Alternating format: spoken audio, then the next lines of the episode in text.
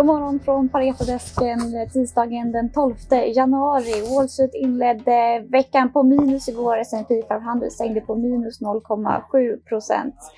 Twitter backade 6 procent och Tesla backade 8 procent.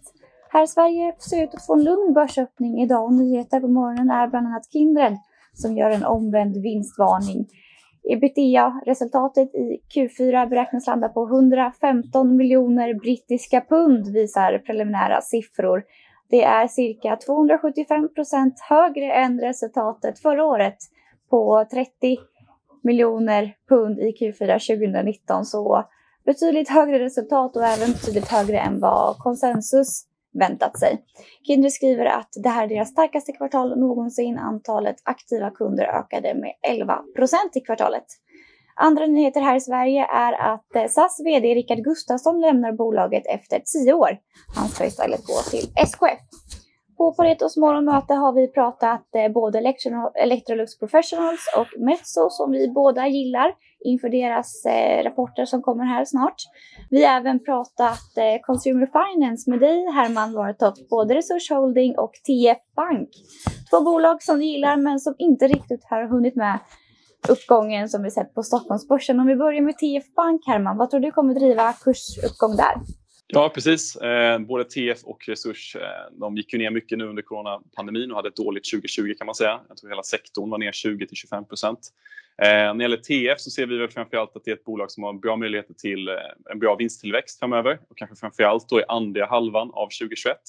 Eh, när man har ju satsat mycket nu under 2020 på att bygga upp sin tyska kreditkortsverksamhet eh, och vi tror att man kommer bli lönsam i den nu under, under 2021. Eh, även, eh, man har även onboardat väldigt många nya e-handlare inom e-commerce solution-segmentet. Eh, så det är också någonting som vi tror kommer driva, driva vinsten framöver. Men framförallt då vinsttillväxt är det som vi tror kommer göra att TF Bank-aktien lyfter. Då. Eh, man handlas idag till P tal runt 8 på 2021 eh, och vi tycker att det är ganska lågt givet att vi tror att TF kommer växa eh, vinsten med 24% under kommande två år per år. Ja. Och vart kommer de få nya kunder då? Vilka marknader?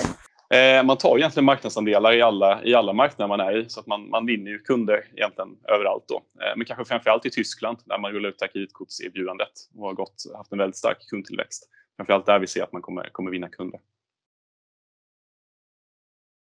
Så kundtillväxt för TF Bank, hur ser det ut för Resurs Holding? Ja, Resurs tycker vi också är attraktivt värderat. Det är också likt TF då P8 ungefär på 20, 2021. Här tycker jag att caset kanske snarare handlar om utdelningen. Eh, Resurs är ju ett, lite av ett utdelningscase. Man har haft en väldigt fin direktavkastning innan. Eh, och nu har man ju då under 2021, förlåt, under 2020 så har man ju varit eh, förhindrad från att dela ut då egentligen av, av diverse myndigheter. Vi tycker att ESUS är väldigt välkapitaliserat. Man har en eh, kärnprimär kapitalrelation på 14,6 procent senaste kvartalet och det är då 5 procentenheter över det legala kravet som det var innan corona slog till. Så man är väldigt välkapitaliserad då, så det finns väldigt stora ut, möjligheter till att, till att kunna dela ut pengar nu då under, under 2021.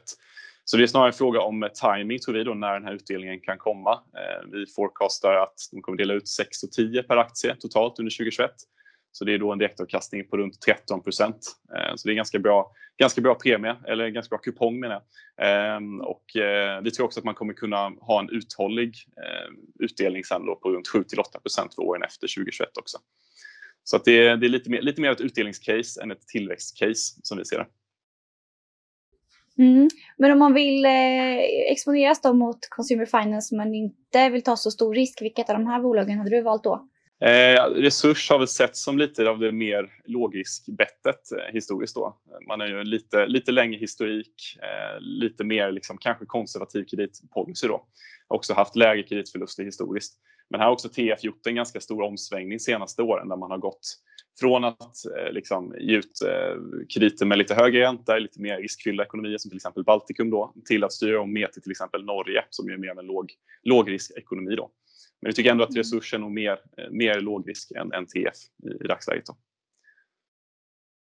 Mm. När kommer rapporterna? Eh, ja, TF kommer 28 januari och eh, Resurs kommer 9 februari.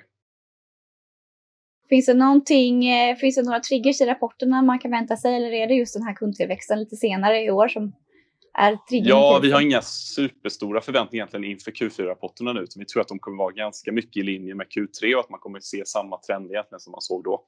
Eh, så vi tror snarare då på att man kan se eh, längre fram i år då, egentligen andra hälften av året. Det är kanske där då som vinsttillväxten kommer igång och som utdelningarna också börjar, börjar skiftas ut ordentligt i banken också. Så det, det, är där vi tycker man ska lägga fokus då. Så i närtid kanske inget, ingen jättetydlig trigger så, men, men eh, på lång sikt eh, tycker vi att det är bra och attraktivt värderat.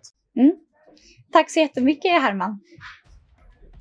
Och tack så mycket för den här morgonsändningen. Tack för att ni har lyssnat. Vi är tillbaka igen imorgon.